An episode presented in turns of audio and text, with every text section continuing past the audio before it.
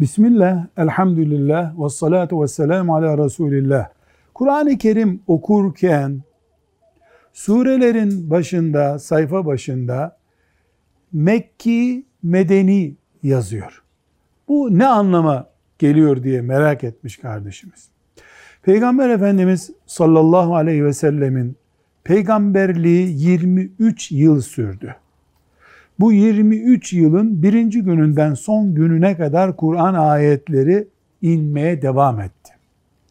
Bu 23 yılın 13 yılı Mekke şehrinde, 10 yılı da Mekke şehrinde devam etti.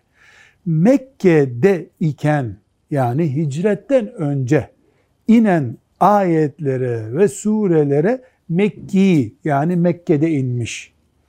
Mekke döneminde inmemiş, Medine'de inmiş olan ayetlere de medeni yani Medine'de inmiş ayet denir. Genel olarak sureler Mekke'de inmiş, Medine'de inmiş diye değerlendirilir. Mesela Bakara suresi medenidir denir. Yani Medine'de inmiştir.